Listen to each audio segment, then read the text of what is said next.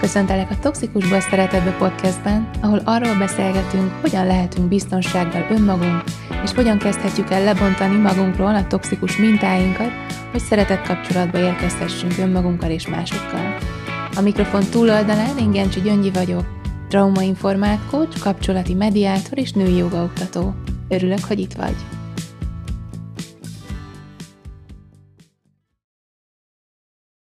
Szia, újra itt!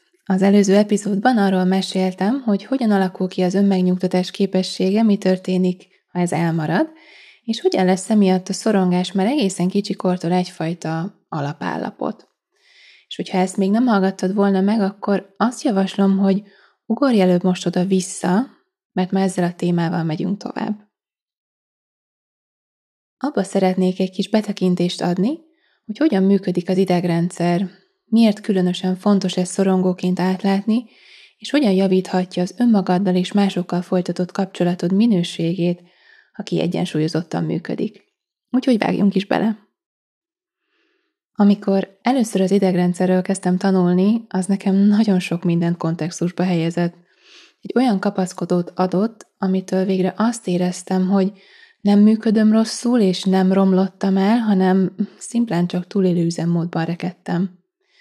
Akkoriban még azért nagyon bátortalan voltam a témában, úgy éreztem, hogy ez senkit nem fog érdekelni, mert hogy kimondom azt a szót, hogy idegrendszer, egyből valami száraz, tudományos dologra fognak asszociálni.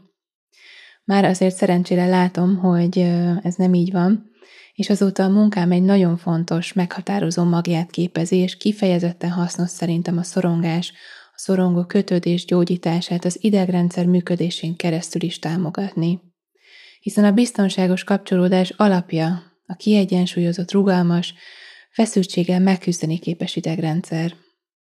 Szóval remélem ez a téma majd hoz felismeréseket számodra is, ahogy annak idején nekem is hozott. Szóval, az idegrendszerünk alapvető feladata, hogy azt pásztázza, hogy körülöttünk veszély vagy biztonság van, és ennek megfelelően reagáljon. Veszély hatására a túlélés segítő üs-fus, lefagyás vagy dermedtség reakciót használja, ha pedig biztonságban érzi magát, akkor megmaradunk a nyugalmi állapotban. A kiegyensúlyozott idegrendszer mindenféle gond nélkül navigál ezek között az állapotok között, értelemszerűen annak függvényében, hogy mikor mire van szükség. Ez a működés nagyon ősi, ösztönös, és az emlős állatokéhoz hasonlóan működünk mi emberek is, Mondok erre egy példát. Ha az állatvilágban egy gazellát üldöz az oroszlán, akkor a gazella először is aktivált, mobilizált állapotba kerül, és ösztönösen érzi, hogy futnia kell, amilyen gyorsan csak tud, mert mivel nincs egy súlycsoportban az oroszlánnal, ezért a küzdés ugye nem opció számára.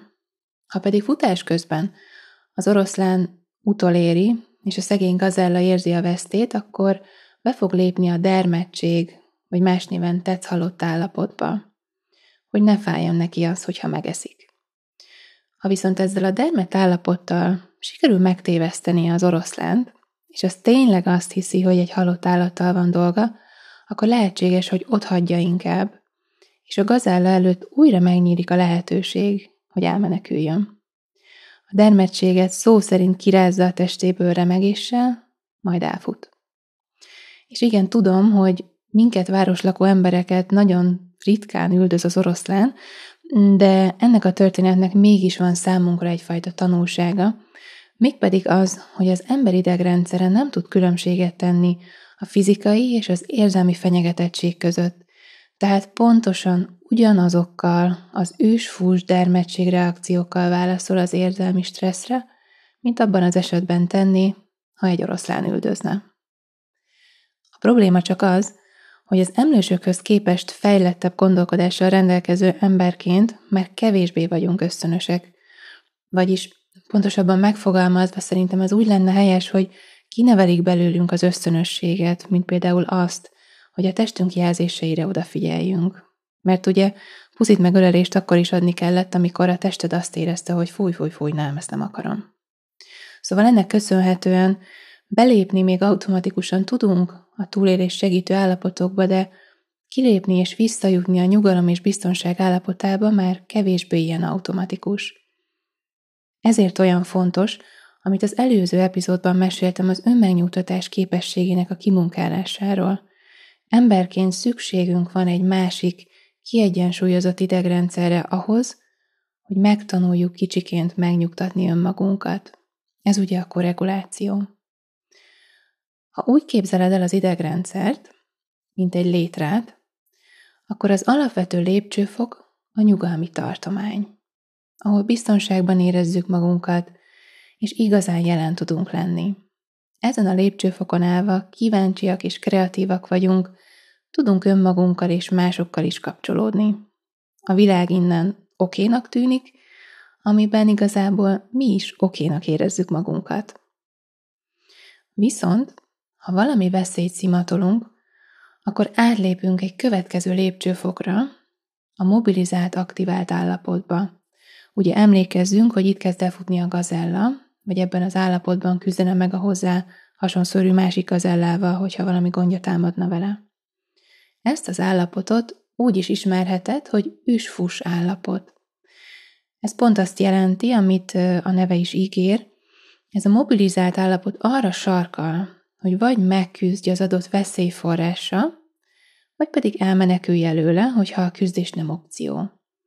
Itt ezerrel megy a belső pörgés, a szívverés szaporább lesz, a légzés felszínesebb, a test megfeszül és ugrásra készen áll. Szorongóknak nagyon tipikusan az elhagyástól való félelem triggerelődése váltja ki ezt az üsfus reakciót. Itt a potenciális veszélyforrás ugye az, hogy egyedül maradok, és úristen, az félelmetes. Ez húzza magával az állandó kattogást és túlagyalást, meg a folyamatos monitorozást és a, a konfliktusokban az újra és újra átélt játszma szituációkat. Aztán persze, ha ez a feszültség szint már tarthatatlanná válik a szervezet számára, mert túlpörgette magát, akkor lépünk be a dermedtség vagy tetszhalott állapotba. Így gyűri maga alá az oroszlán a gazellát. Ez szinte egyfajta testen kívüli élmény, teljes lekapcsolódás önmagunkról, aminek a legfőbb célja az érzéstelenítés. És bár rosszul hangzik ez a teljes lekapcsolódás, én mégsem szeretem, ha démonizáljuk az idegrendszernek ezt az állapotát, úgyhogy hadd fordítsam át neked ezt egy kicsit. A dermedtség valahogy így hangozna az idegrendszer nyelvén. Bár nagyon igyekeztem biztonságba tudni téged, de elfáradtam. Nem tudunk sem megküzdeni a veszélyes, se elfutni előle, ezért egy dolgot még megtehetek érted, és az az, hogy ne fájjon, ha már benne rekedtél, úgyhogy most lekapcsolom az érzéseidet. Szóval mondja nekem bárki azt, hogy nem ez az egyik legszeretetteljesebb dolog tulajdonképpen, amit a rendszerünk értünk tehát, amikor kilátástalan a helyzetünk, és, és nincs más eszközünk, hogy biztonságban érezzük magunkat. Egy vitában például, itt ebben a dermedtség állapotában valószínűleg, hogy már csak magadba zuhanva ülsz, és mintha a filmnek, aminek eddig a részese voltál, nélkület folytatódna tovább. Vagy úgy is elképzelheted, hogy a lámpa még ég a házban, de már nincs benne senki. Emellett a három említett állapot, a nyugalmi állapot, az ősús és a dermedtség mellett több kevert idegrendszeri állapot is létezik, mint például a játék, az intimitás, emésztés, hízelgés, ugye jó kislányok figyelem, de ma már csak egy kevert állapotról beszélek, amiről biztosan hallottál már, és ez nem más, mint a lefagyás, ami az ősfus és a dermedtség egyvelege. Egyfajta átmenet a kettő között. Úgy kell elképzelni, mintha a pörgéstől, ami benned van, még, még ezerrel tövig nyomnád a gázt, de közben ez már nem fenntartható, és a kifáradástól berántod a kéziféket is. Belül még pöröksz, de kívülről már olyan, mintha lekapcsolódtál volna. Ez történik akkor például, amikor azt érzékeled, hogy mennél, de a tested nem mozdul. Még mondanád, de képtelen vagy kiejteni azt a szót a szádon, nem jön ki hang a torkodon. Ennek a létres elképzelésnek az a trükkje, és ez még nagyon fontos nekünk, hogy a lépcsőfokok nem kihagyhatók, nem átugorhatók. Tehát, ha egyszer eljutottál a dermedtségig, akkor nem tudsz rögtön onnan visszalépni a nyugalmi állapotba, hanem előbb ébrezgetni kell a rendszert. Azt szoktam mondani, hogy előbb vissza kell hívni, vissza kell csalogatni a lelket a testbe, újra mobilizálódni kell, és onnan tudunk visszatérni a nyugalmi állapotba. Hogyha szorongóan kötődsz, akkor jellemzően sok időt tölthetsz az üsfús aktivált állapotban, ami tulajdonképpen érthető, hiszen a szorongó pörgés célja, hogy megtalálja a hibát a rendszerben, ami miatt a kapcsolódás elveszhet. Persze ettől időről időre kimerülhetsz, és beléphetsz a lefagyásba, dermedtségbe is akár, majd onnan visszalépsz a pörgésbe. Ez egyfajta idegrendszeri lúpot eredményez, amiben megrekedve pöröksz-pöröksz ide-oda, és sajnos ez azt jelenti, hogy ezen az állandó pörgés-lefagyás tengelyen keresztül szemléled a kapcsolataidat is, a párodat, az akárkidet.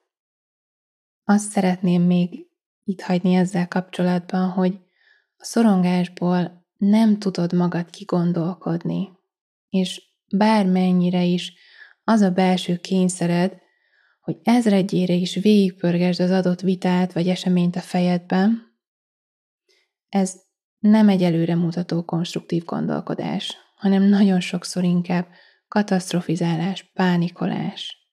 Nem logikus gondolkodás, hanem csak feltételezések és a hiedelmeid pörgetése. Ezért azt tanácsolom, hogy próbáld meg nem kiátszani a rendszered, ne verd át magad, ne ringasd magad abba, hogyha még ezer egyetszerre is átgondolod, akkor bármi változni fog. A testedben átélt biztonságérzet az, ami a változást hozza, ami lenyugtatja a háborgó elmét. Amikor az idegrendszer biztonságban érzi magát, a tisztánlátás vissza tud térni. Elérhetővé válik, hogy kifejezd önmagad, és kíváncsi legyél a másik fél tapasztalásaira is a túloldalon. Erre van szükség a kapcsolatainknak, hogy bensőségessé tudjanak válni. Hú, úgyhogy vegyél most te is egy nagy levegőt, sóhajts, hogyha az jó lesne. Igen, tudom, hogy ez most tömény volt, ezért valahol itt el is kezdem lekerekíteni ezt a mai epizódot, de mindenképpen vissza fogunk még rá térni különböző kontextusokban, mert ez itt valójában még csak a jéghegy csúcsa volt. És nagyon fontos, hogy erről beszélgessünk még. Szeretném még zárásként elmondani, hogy hamarosan elérhető lesz egy új online kurzusom, hogy könnyebben navigálj a témában, és ne csak elméletben haj róla, hanem tulajdonképpen ami a lényeg, gyakorlat is társuljon hozzá. Legyen eszközöd arra, hogy hogyan nyugtasd az idegrendszered, túljuss a triggerelődött állapoton, és az automata reakciók helyett egy biztonságosabb helyről kapcsolódj önmagadhoz és a környezetedhez. Ezt a kurzust azok fogják elérni legelőször, akik fel vannak iratkozva az e-mail listámra, amihez te is bármikor csatlakozhatsz, hagyok ehhez egy linket a leírásban. Mára ennyit szántam, köszönöm, hogy velem tartottál, jövő héten érkezem egy újabb epizóddal.